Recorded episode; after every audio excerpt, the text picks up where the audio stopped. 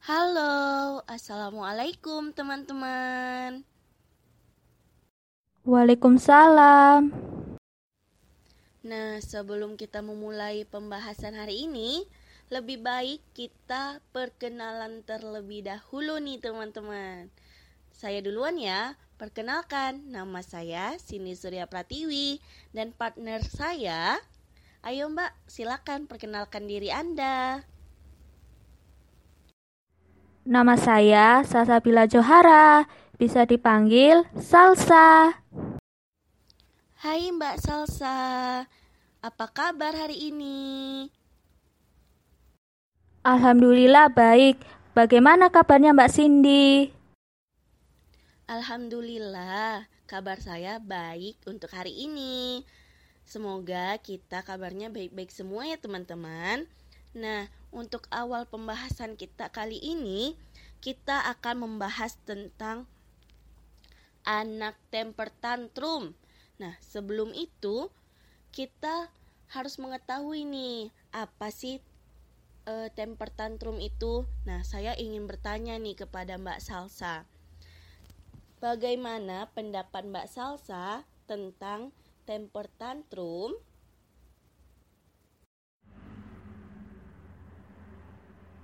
Pendapat saya tentang temper tantrum adalah suatu ledakan amarah yang sering terjadi pada anak usia 3 sampai 6 tahun yang ditandai dengan tindakan menangis, menjerit-jerit, melempar benda, berguling-guling, memukul dan aktivitas destruktif lainnya.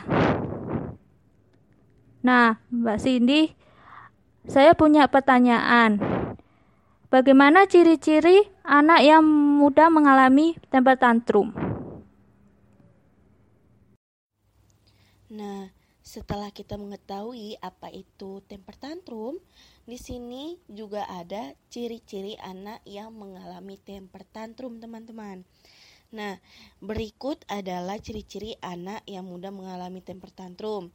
Yang pertama, memiliki kebiasaan tidur, makan, dan buang air besar yang tidak teratur.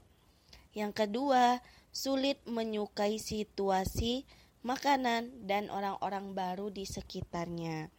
Selanjutnya, lambat beradaptasi terhadap perubahan lingkungan sekitarnya. Selanjutnya, suasana hati lebih sering ke arah yang negatif yang kelima, yaitu perasaan atau diri yang mudah terprovokasi atau gampang merasa marah dan kesal.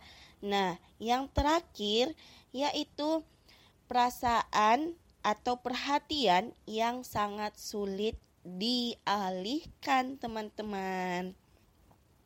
Nah, setelah ini saya akan bertanya juga nih kepada Mbak Salsa tentang uh, apa saja sih jenis temper tantrum itu?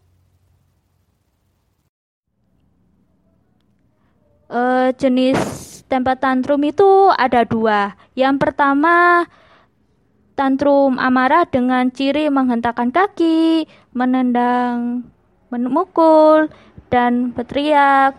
Yang kedua, tantrum kesedihan dengan ciri menangis, berisa-isa, membanting diri, dan berlari jauh.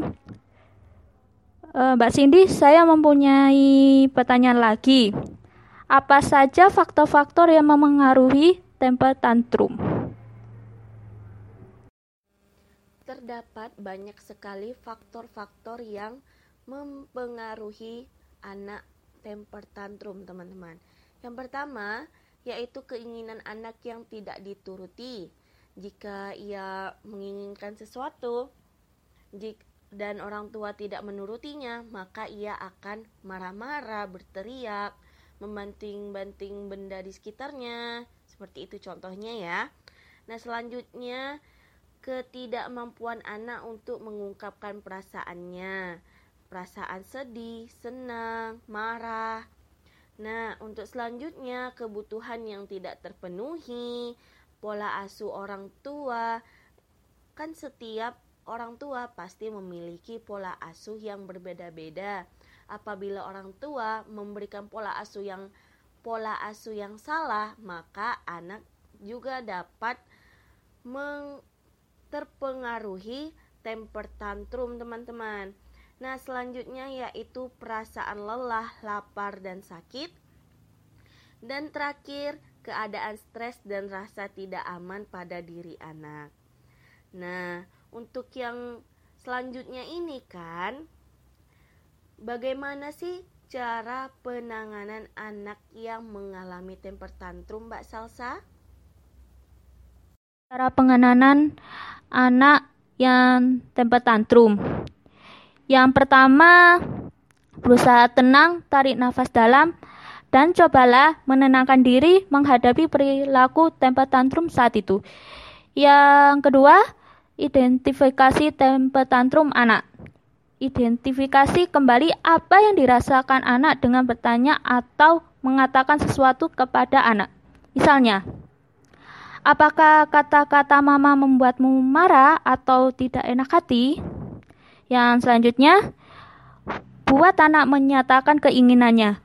Bantu anak untuk menyatakan apa yang diinginkan atau apa yang tidak diinginkan anak dengan harapan agar anak tahu bahwa orang tuanya memahami, mengerti perasaan dan keinginannya. Misalnya, ibu tahu kamu tidak suka. Ibu belikan makanan ini, tapi kamu harus tahu bahwa ibu membelikan ini agar kamu menjadi sehat dan kuat. Yang selanjutnya, beri alternatif. Tawarkan beberapa alternatif lain. Misalnya, sekarang ibu tidak menginginkan kamu beli es krim, tapi kamu bisa beli roti atau susu. Bagaimana? Yang terakhir, berikan pelukan cinta. Bila tempat tantrum berlangsung terus, bahkan reaksi emosi anak semakin kuat, cobalah untuk memeluk anak dengan penuh rasa cinta dan sayang. Tentunya hasil ini bila anak tidak bertindak agresif seperti memukul atau menendang pada orang tua. Terima kasih atas jawabannya Mbak Salsa. Sama-sama Mbak Cindy. Nah, materi tempat tantrum pada anak sudah selesai. Kami minta maaf jika ada kesalahan atau kekurangan kata teman-teman. Wassalamualaikum teman-teman. Waalaikumsalam warahmatullahi wabarakatuh teman-teman. Dadah.